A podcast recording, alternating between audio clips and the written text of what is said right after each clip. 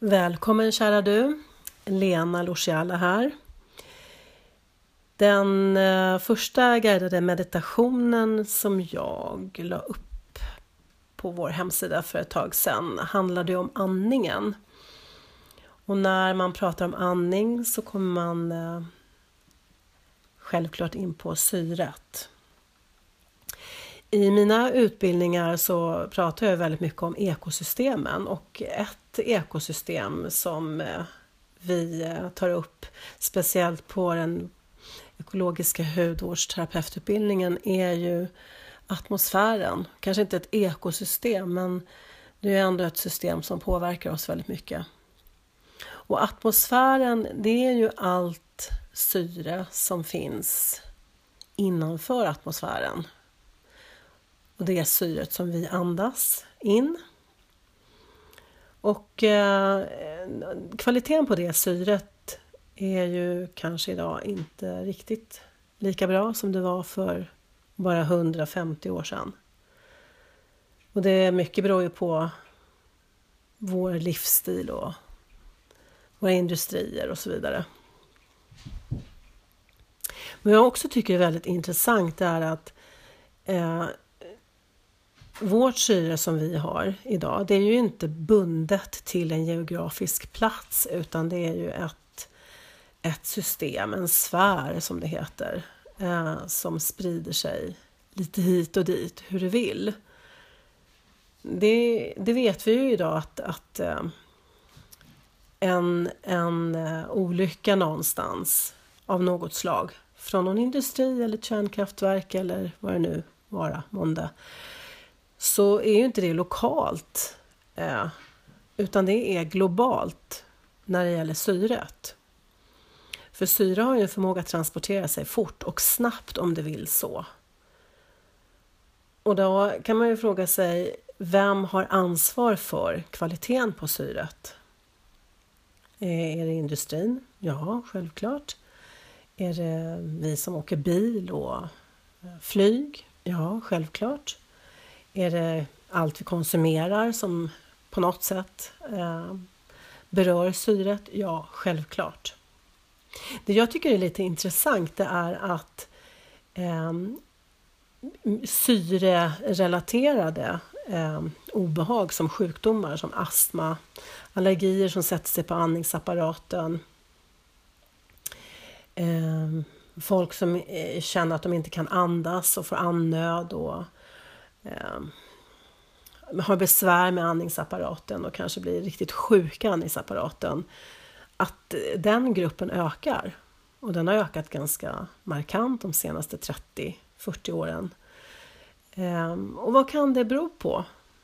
Kan det bero på att syret blir mer och mer kontaminerat, förgiftat på grund av att vi lever som vi lever?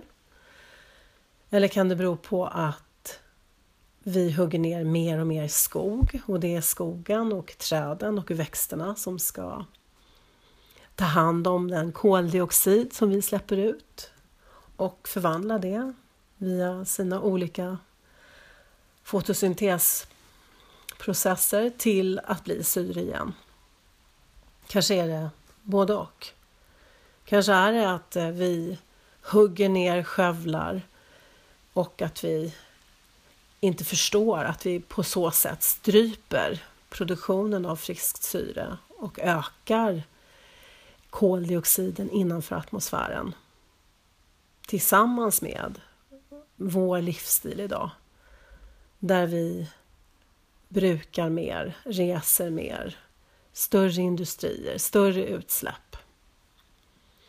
Så då kanske det inte blir så konstigt på ett plan att vi har svårare att andas och syresätta oss. Att det blir fler obehag i lungor och syresättande funktioner i kroppen. Därför att vi kan inte välja vilket syre vi andas utan vi andas ju eftersom vi lever. Och då får vi ju andas in det syre som finns runt omkring oss inomhus och utomhus. Och vad kan man då göra som en liten enskild människa för att på något sätt bidra med att inte anstränga syret? Ja, det är ju att välja saker som är burna av syret. Alltså välja vad man sprayar och använder runt omkring sig. Luftburna ämnen. Och luftburna ämnen, det kan ju vara saker som bärs av luften men sen binds i vatten och binds i jord och binds i vårt sediment. Men det börjar i luften.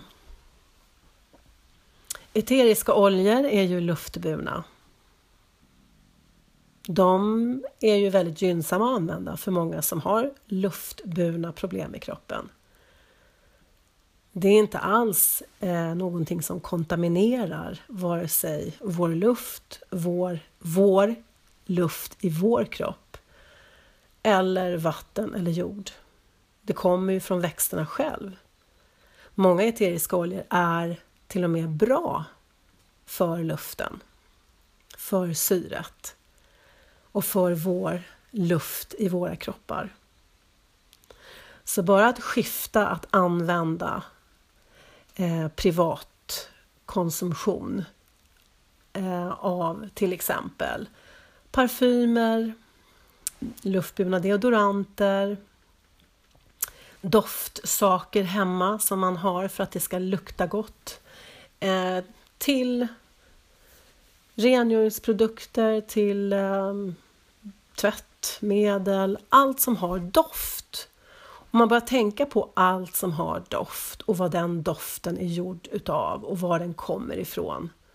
Om vi börjar där och börjar byta ut det mot växt, växtoljor, alltså eteriska oljor, så tror jag att vi kan komma ganska långt. Åtminstone i vårt eget hem. Det var en liten reflektion för idag. Hej så länge!